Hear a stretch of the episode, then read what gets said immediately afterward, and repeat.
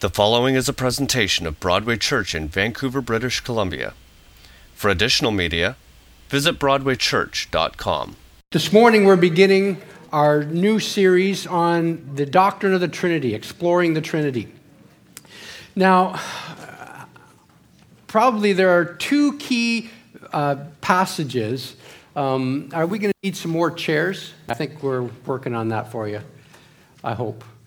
Um, there, there are two key truths, two key doctrines that really dis- distinguish between a cult and a true uh, Christianity. One of them we're going to be dealing with next Sunday in our sermon series as part of the Essential series. Uh, it's also going to gel well with a Thanksgiving theme, so we'll address that next Sunday morning. But the other topic that really is a litmus test it's the canary in the mine to determine a cult from true Christianity, is what we're talking about today in the next few weeks together. And that is the doctrine of the Trinity.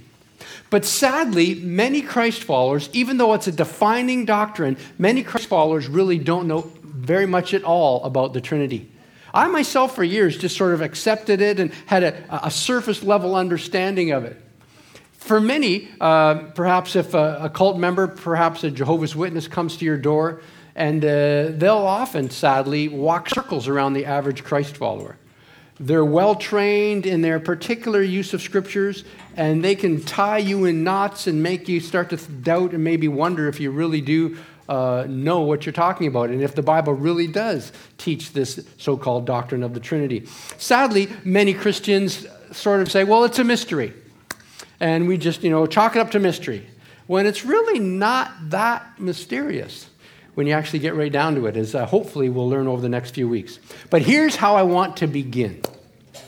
You all hopefully received an outline this morning when you came in. Uh, you got one at the, at the back there. You'll notice 1A says, Take this true or false quiz. Here's what I want you to do. We're going to do something a little unique th- this morning to begin this series. I want you to take the next five, seven, maybe even 10 minutes. It'll depend on how much of a buzz there is in the room. I want you to take that true or false quiz at your table. I want you to discuss it around your table, whether you think, so there's those five statements. Uh, you have to determine whether they're true or false and just put a T or an F. I think at the bottom I gave you a little key there for each of them a T or an F.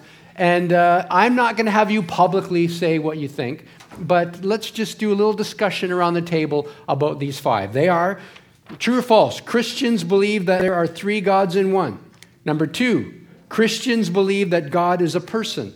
Number three, Christians believe that there is one God who first revealed himself as the Father in the Old Testament, then as Jesus Christ for 30 years, and now as the Holy Spirit. Number four, Christians believe that God created the Son, and then the Son created the universe. And number five, Christians believe that three persons combine to form one person. I want you to discuss those around your table for the next few moments, and then and you can hit the pause on the record, Andreas, and then I'll come and rejoin us, and we'll answer these and get on with our lesson. Go ahead, discuss. Four minutes.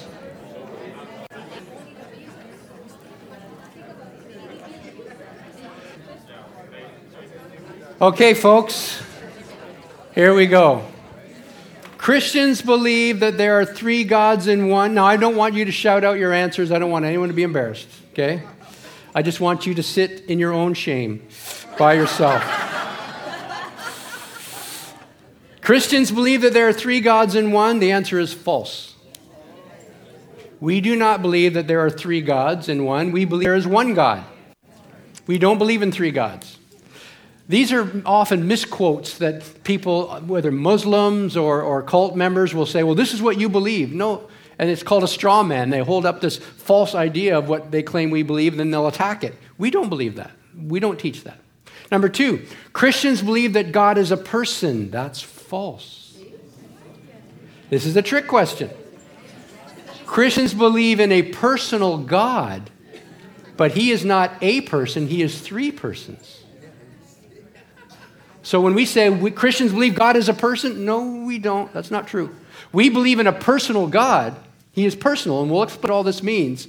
That's why we're unpacking this for a few weeks. But we do not believe God is a person. No, we believe is three persons. Number three, Christians believe that there is one God who first revealed himself as the Father in the Old Testament, then as Jesus Christ for 30 years, and now as the Holy Spirit. That's false. That's called modalism. That's a, a wrong thinking. That's the idea, you know, this one God took on these three different forms.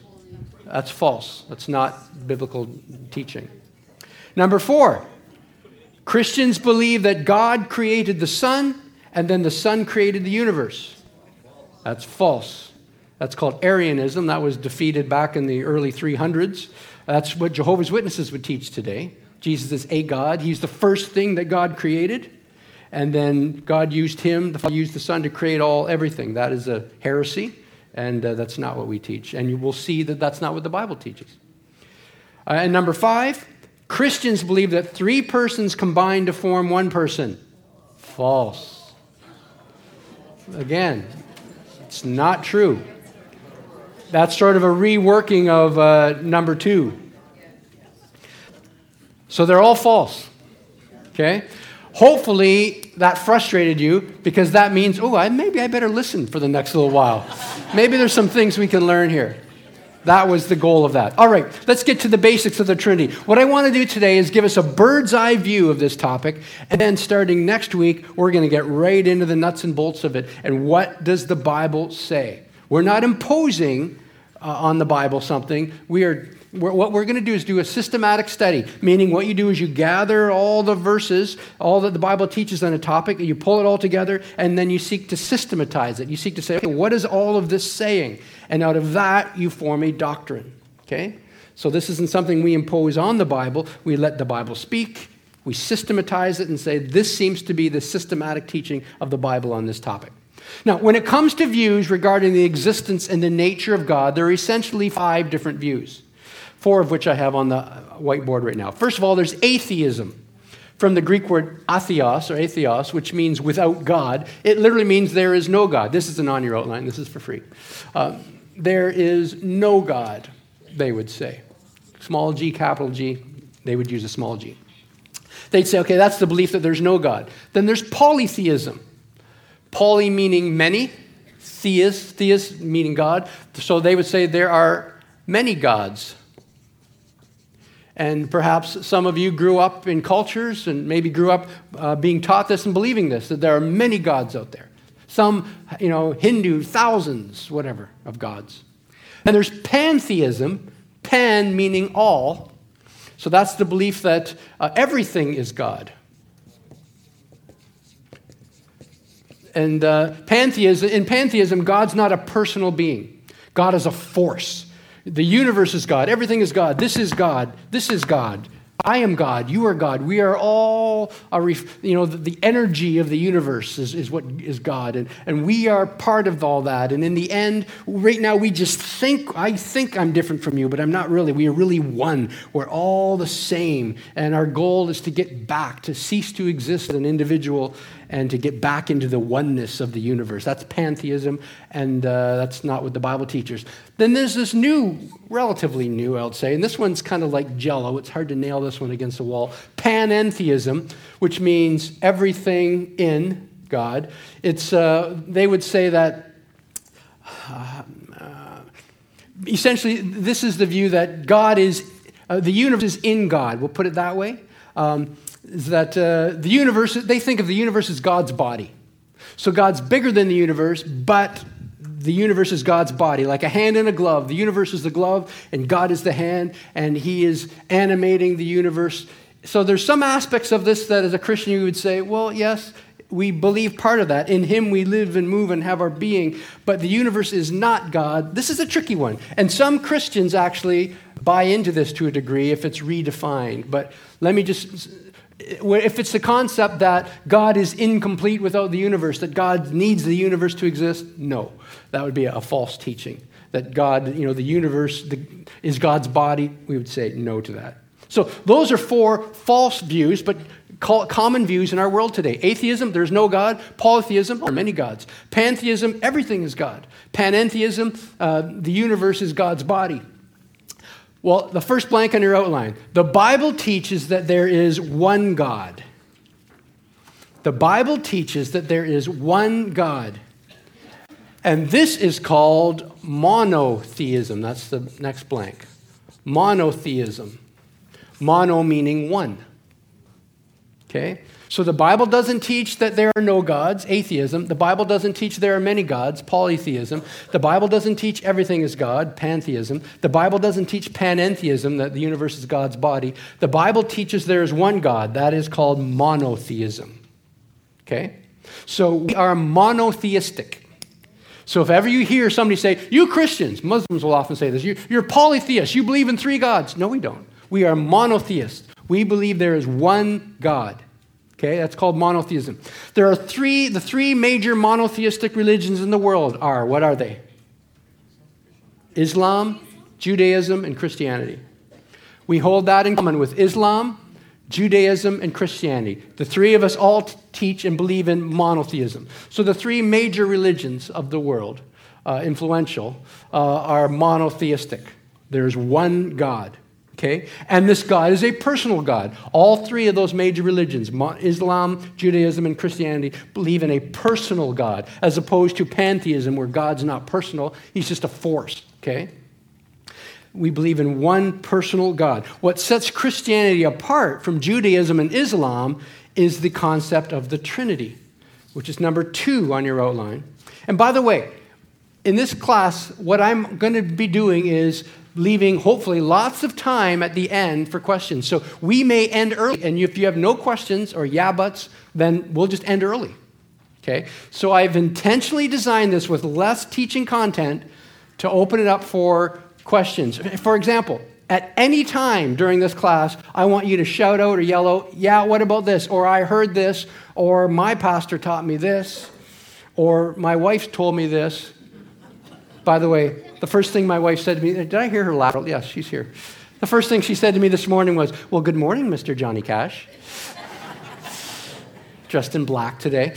Um, so, eh, but if, if you want to shout something out, feel free to do that. I'm wanting to be, this to be highly interactive. Yes?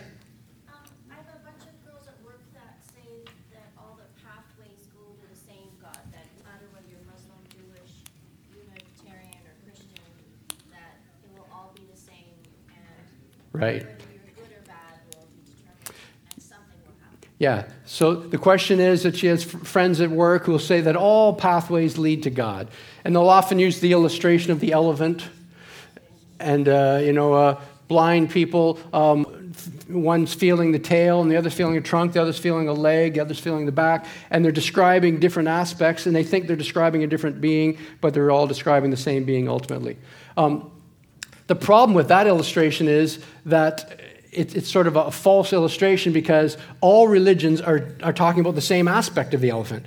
It's not as though we're talking about different aspects of the elephant. We're all talking about the nature of God and God's uh, personality and God's very nature. So one's not talking about the trunk and the other's not talking about the leg. We're all talking about the same thing and describing it differently. So uh, the reality is when five people are describing the same thing and have five different answers, they can't all be right. They can all be wrong, but they can't be right. And uh, nowhere else in our world do we take that mentality. Nowhere else. How many had a math teacher that said, okay, what did we get? Two plus two equals Okay, that's good for you. Is that you believe it's five, so that's right for you. Um, and anybody else have a different answer? You know, four. Well, good. Four. Okay. Two. Okay. Good. Well, well done. How does that make you feel? Does you feel good that two plus two is five? Good. That's all that matters. That you feel good. Okay. Let's move on to the next one. Nowhere else do we have. We don't want our doctors to have that mentality. What do you think I have, doc? I don't know. What do you think it is? I think I'm fine. Well, there you go. I think you're fine too. Okay. You know, does that make you feel good thinking you're fine? Yeah. Okay. Then you're fine. No, nowhere else do we have, when it comes to reality, do we, we address or think that way, use that mentality. And the fact is that all of these say completely different things about the same subject. So they can't all be right. They can all be wrong, but they can't all be right. Excellent question. So, number two, the Bible teaches that this one God is tri personal. The Bible teaches that this one God is tri personal. T R I, not T R Y. T R I personal. Tri meaning three. Now he's trying to be personal. No, he is tri personal. Okay, well, what does that mean? I mean, how can something be tri personal? Well, here's some contrasting views. Letter A, Unitarian. U N I, Unitarian. U N I T A R I N. There's Unitarian. That's the teaching that God is one being representing one person. Unitarianism teaches God is one being representing one person. Now, everybody in this room, you personally are a Unitarian being. You are one being and one person. Okay, that's kind of the rule of thumb for humanity one person per being. You don't get two persons per being, one person per being. And we'll, discuss, we'll define in a moment what being and person mean. Did you know that it was through the, the, the discussion of the Trinity, uh, you know, 1700 years ago, that the concept of personhood was invented? It was through the Christians discussing uh, the Trinity that the whole concept of what a person is actually evolved and was invented. So, Unitarian, God is one being representing one person. Islam, Judaism are Unitarian. We're not. Islam is Unitarian, and, and Christianity is, or uh, Judaism is Unitarian, yes.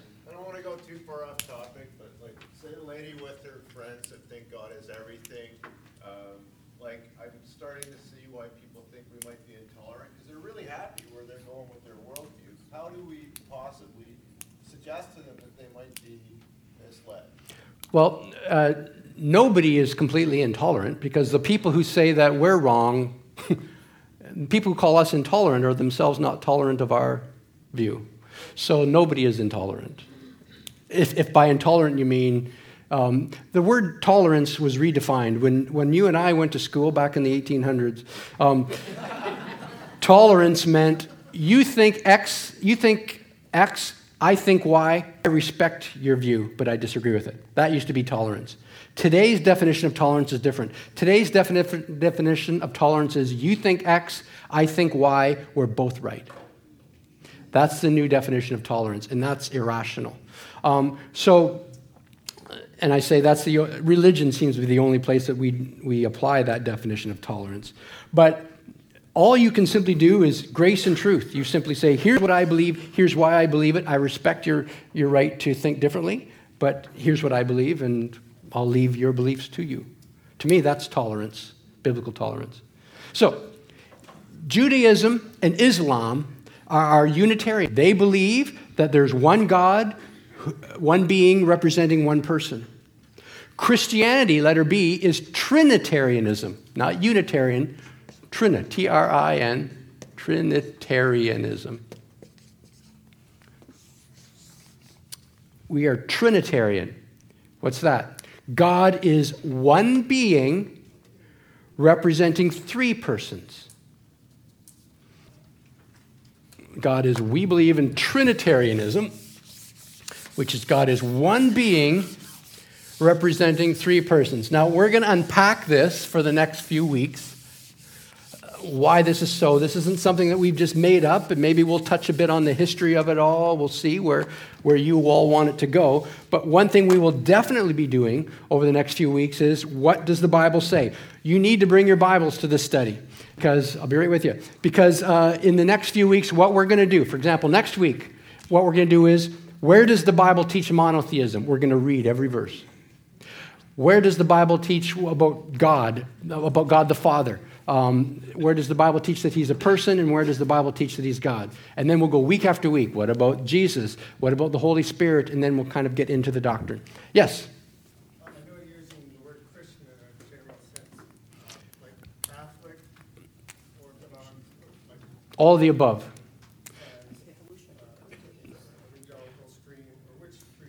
I'm using Christian in the sense of the very root, we'll say the Nicene Creed. Um, which was what, 327, I think, AD, around there. All the respectable bishops were established bishops churches at the the they were pronounced anathema by the Nicene Creed. Well, yes. um, what happened, actually, all the respective is sort of a misrepresentation of what happened. There were about, there were hundreds of bishops that came together um, in the Nicene Creed. What was happening was, for the first 300 years, there was relative uniformity. And that's what we'll see. Scripture is quite explicit when it comes to the, the Father, Son, and the Holy Spirit. Just a. It was quite explicit. And uh, so there was agreement. And then a guy named Arius, who was a presbyter in Alexandria um, in, in Egypt, he produced this new teaching that, uh, which we now call Arianism, which is that God created the Son and the Son created the, the universe. And he was proposing this. And he had battle with his bishop. So he wasn't a bishop, he was a presbyter, which is under bishop. And he had a battle with his bishop, who was Athanasius. And, uh, and he was, Athanasius was saying, no, this is a false doctrine. We don't believe this. Churches don't believe this. But he was teaching it. And so what happened was Constantine, who was a recent convert and was the ruler of the world at that time, the Roman world, he called together. He said, Let, us solve this. So he called together all the bishops from all the Christian world Latin, Greek. Called them all together. There's a few hundred of them together in this big council at Nicaea. And uh, they said, just look at Scripture. What does it say? What does it teach? What does the Roman, the, the Holy Catholic Church, because there's only one, there were no denominations at that time. There's just the one Holy Catholic Church. What, what are we all agreeing on? What does the Bible teach? And of that, there were, there were only six bishops that were Arian. Six. Um, they were called some semi Arians who were kind of halfway. Um, there was Athanasians, and the vast majority, though, were in the middle. They just didn't know what they believed. Okay? And so they got together, they had this council, and at the end of the council, it was widely, almost, almost unanimous, but some of the Arian bishops stuck with Arius. But the, the rest went completely and said, no, this is what Scripture teaches.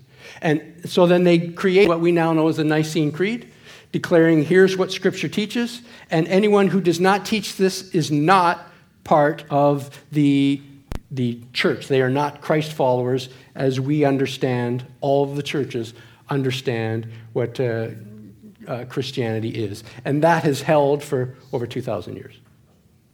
Okay? I just want to say that there are Christians who are Unitarians. Um, it, I guess it all depends on how you define Christian. I don't know how you could be a Christ follower and deny the deity of Christ.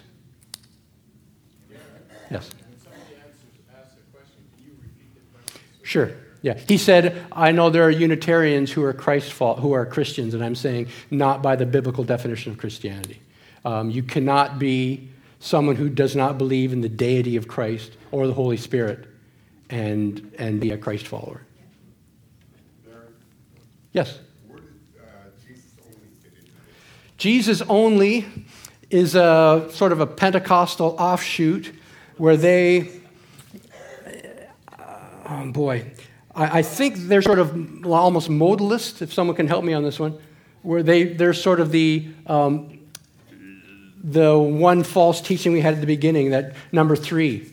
I think they lean towards that. That the, the Father was in the Old Testament, then Jesus came in the New Testament, and then now the Holy Spirit is, uh, is in the church age. And so when you're baptized, you should only be baptized in the name of Jesus because he, it was in his name and his authority. And the Father and the Holy Spirit and Jesus are all the same person. That's Unitarianism. And, and, um, and so I think they, that, that would be a, a heresy. Yes? What, um, what did Martin Luther's teaching do to the about the Nicene Creed since he was kicked out of the Catholic Church? He put his 98 Thesis on the door, Yeah. and the uh, Christian, uh, the Christian move really started through him. No, the, the, Martin Luther nailed his 98 thesis against the door in Wittenberg, uh, but it had nothing to do with the Trinity. It was, uh, that was having to do with the authority of the Holy Roman Church and indulgences and paying for salvation. It wasn't a Trinitarian at all. And he didn't start the Christian church, he started the offshoot called Protestantism. Okay? But Catholics and Protestants agree on the Trinity. Okay, let's keep going. This is excellent. This is exactly what I want. Um, Christianity, we said, is Trinitarian which is God is one being representing three persons. Okay? So let's take a moment to understand our terms. Being means one substance or essence or nature. So if you have the nature of a rock, okay, then, then, then you can't be, have the nature of a rock and not be a rock. Nature, substance means substance, uh, underneath, foundation, standing under. So, substance is the very core, the basic, essential elements that make you you, that set you apart from everything else. That's what being is. It's a substance, the essence, the very essence, the very core nature, okay, is what we mean by being. Person means uh, a center of self consciousness, okay? A center of self consciousness is a person. And over the years, it's come to be understood a, you're a person if you have a will, an intellect, and self awareness. Okay? That's what's become known as a person. So, your dog is not a person. Certainly, your cat isn't. Okay? because we're, we don't go by instinct, we have wills we, we have the ability, we have volition, we have the ability to say yes or no, this way or that way, to make decisions. We have intelligence, okay? And we have self awareness. My dogs, we have two at home, my dogs are not home right now going, Where are they? Like, I am very hungry. Dogs don't use the word I. Dogs do not have self awareness. Animals don't have self awareness. They don't think, I am this, I am that. We impose on them all of these human emotions and thoughts their instinct. I've said before, if I came and fed your dog, he would love me as much as you think he loves you. Okay? They abandon their babies. They're, they're just instinct. Okay? They're not these little humans. Okay? They're not persons. Okay? In that sense. So a, a person is a, a, a mind, a center of self consciousness. Okay? So let's keep this is important on your outline. A human is one being or soul, which supports one person. So this is show this Trinity isn't all that mysterious. A human is one being or one soul, okay, that supports one person. Okay? So that's what you are. As a human being, you are a soul at your core, you are a soul, a mind, and that soul, that mind supports one person. Okay? So there's only one I inside of you. Are you getting that? There's only one I. When you say I, there's not another in you that says, oh, me too. There's only one I. One person per soul. Okay? That's what it means to be human. Now get this. Number two, God is one being which supports three persons. God is one being or soul which supports three persons. You say, How is this possible? Darren, you just said that as a human, we, there's no other, you can't say I and someone else say me too. Yeah, I was talking about humans. God is not a human. God isn't made in human likeness. We were made in God's likeness, which doesn't mean we're identical to God. You know, when you unpack what, what that means, when you look at the whole teaching of Scripture, it seems to mean we are personal beings, unlike anything else. Angels and us are personal beings of all creation. Okay? So, eh, one of my favorite stories, if you know me, I often quote the barnacle story because it's to me the best illustration of this. C.S. Lewis, I think, is where I first read it from him. How we, we mistake, we think because it's, you know, when we try to think about God, we think of God as a bigger version of us. C.S. Lewis talks about these barnacles. We all know what a barnacle is. You know, there's a boat in the water, and these barnacles are those little crustaceous things that stick to the bottom of boats. They're actually little living organisms, but they're not persons. They're not sitting there thinking, but they're living organisms. They're biological creatures. But in this story, these barnacles, You know, they're there, they're under the water, they're, they're down here on a rock, deep in the water, and they're having a conversation. And their conversation is Do humans exist? Because they've never seen a human. So, do humans exist? So the two barnacles are talking, and then along floats a wise barnacle. And he clings to the rock, and they say, Oh, wise barnacle, tell us, do humans exist? And one was a atheist, I can't say atheist, a human, a human barnacle, and the other one was a human barnacle. He, one believed in humans, the others didn't. And they said, Oh, wise barnacle, tell us, do humans exist? And the wise barnacle said, Ah, oh, yes, humans exist. And they said, Oh, tell us about what, is, what are these humans like? And the wise barnacle said, Well, humans do not live underwater. Well, the one laughed. Everybody knew the whole world was water. No one had ever seen anything other than water. Everything was water. Every barnacle with a brain knew that. Tell us more about these, these humans. Humans do not need to stick to things to live. Well, they almost fell off the rock. They're laughing so hard. If you don't stick to stuff, the fish eat you. Come on, this is craziness. Tell us more. Humans do not have shells, they have something called skin, which is soft and supple. Well, they just laughed and laughed. If you were soft like that, you'd, you'd be destroyed. This is craziness. What were those barnacles' problems? They thought if humans existed, they had to be just like them. We have the similar problem when we think of God. When we picture God, we picture an elderly man with long flowing gray hair and a beard, like us, only bigger. That is not God. And nowhere does God portray himself as being that. Now, there are anthropomorphic displays of that, but God does not describe himself. God is spirit, and those who worship him must worship him in spirit and truth. So, God is not a bigger version than us. God is, is a person, and he is a being. He is a soul. He is mind. He is mind. Okay? Did I see a hand over here? Yes. Can you sometime bring like the lexicon Greek definition of image? Definition of the word image? Uh, yeah, we, we could. That's a separate study than what we're doing. No, because it, it pertains strongly, because for me, I'm not interested in what Christians believe. For me, I'm interested in what the Bible actually says, like with, with sound exegesis. Yep. And words have meanings. Yep. And the word image means uh, a, a copy. That's what word means. So Except, but here's the problem with that. we are. Yeah, I will. I will. Um, so he's saying the word image means something, and actually, word means image means a copy. But it, but if you take that in a wooden way, I, I'm not going to grant you that because I'm not sure of that off the top of my head. That's why I said bring the lexicon definition. But if even if I grant that, then you're you're applying a wooden definition to something because it can't literally mean copy, because that means then we're eternal. But that's on the face of it, that's false. We're not eternal. Uh, it means that God has a physical body. But on the face of it, that's false. God says he doesn't have a body.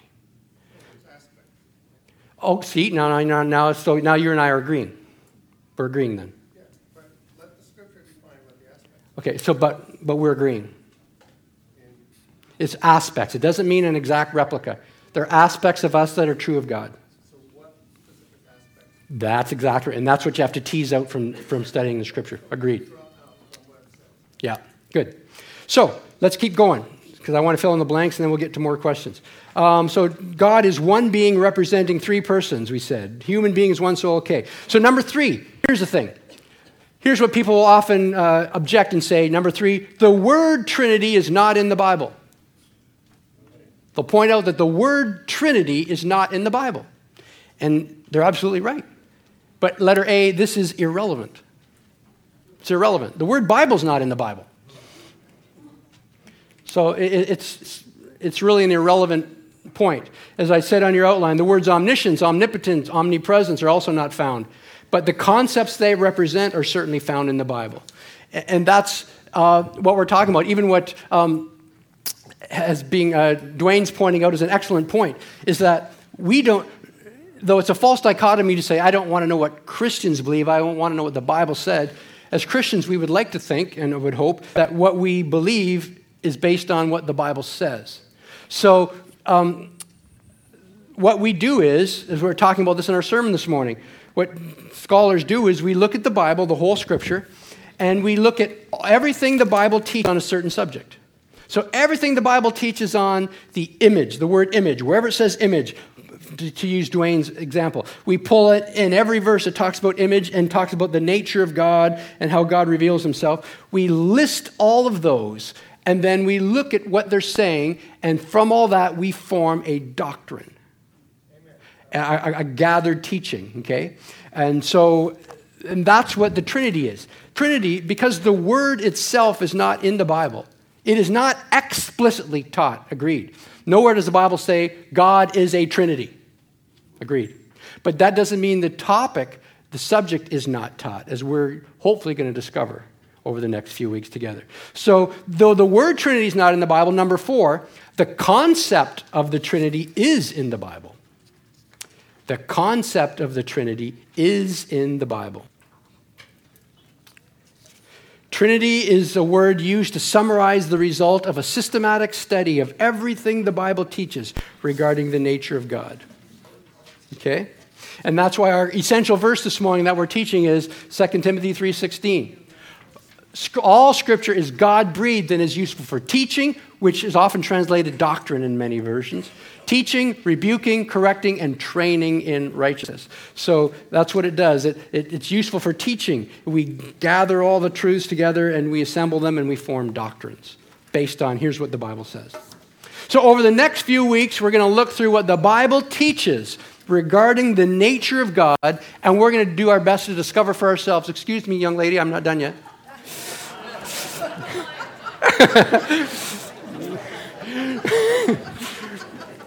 we're going to, that was my wife, by the way. Um, so we're going to gather together what we're teaching and what the, we feel, what the Bible says, and we're going to systematize it and seek to understand. Next week, look at what the, how does the Bible teach monotheism, and what does the Bible teach about the Father? That's next Sunday. God bless you, folks. Thanks for being here today.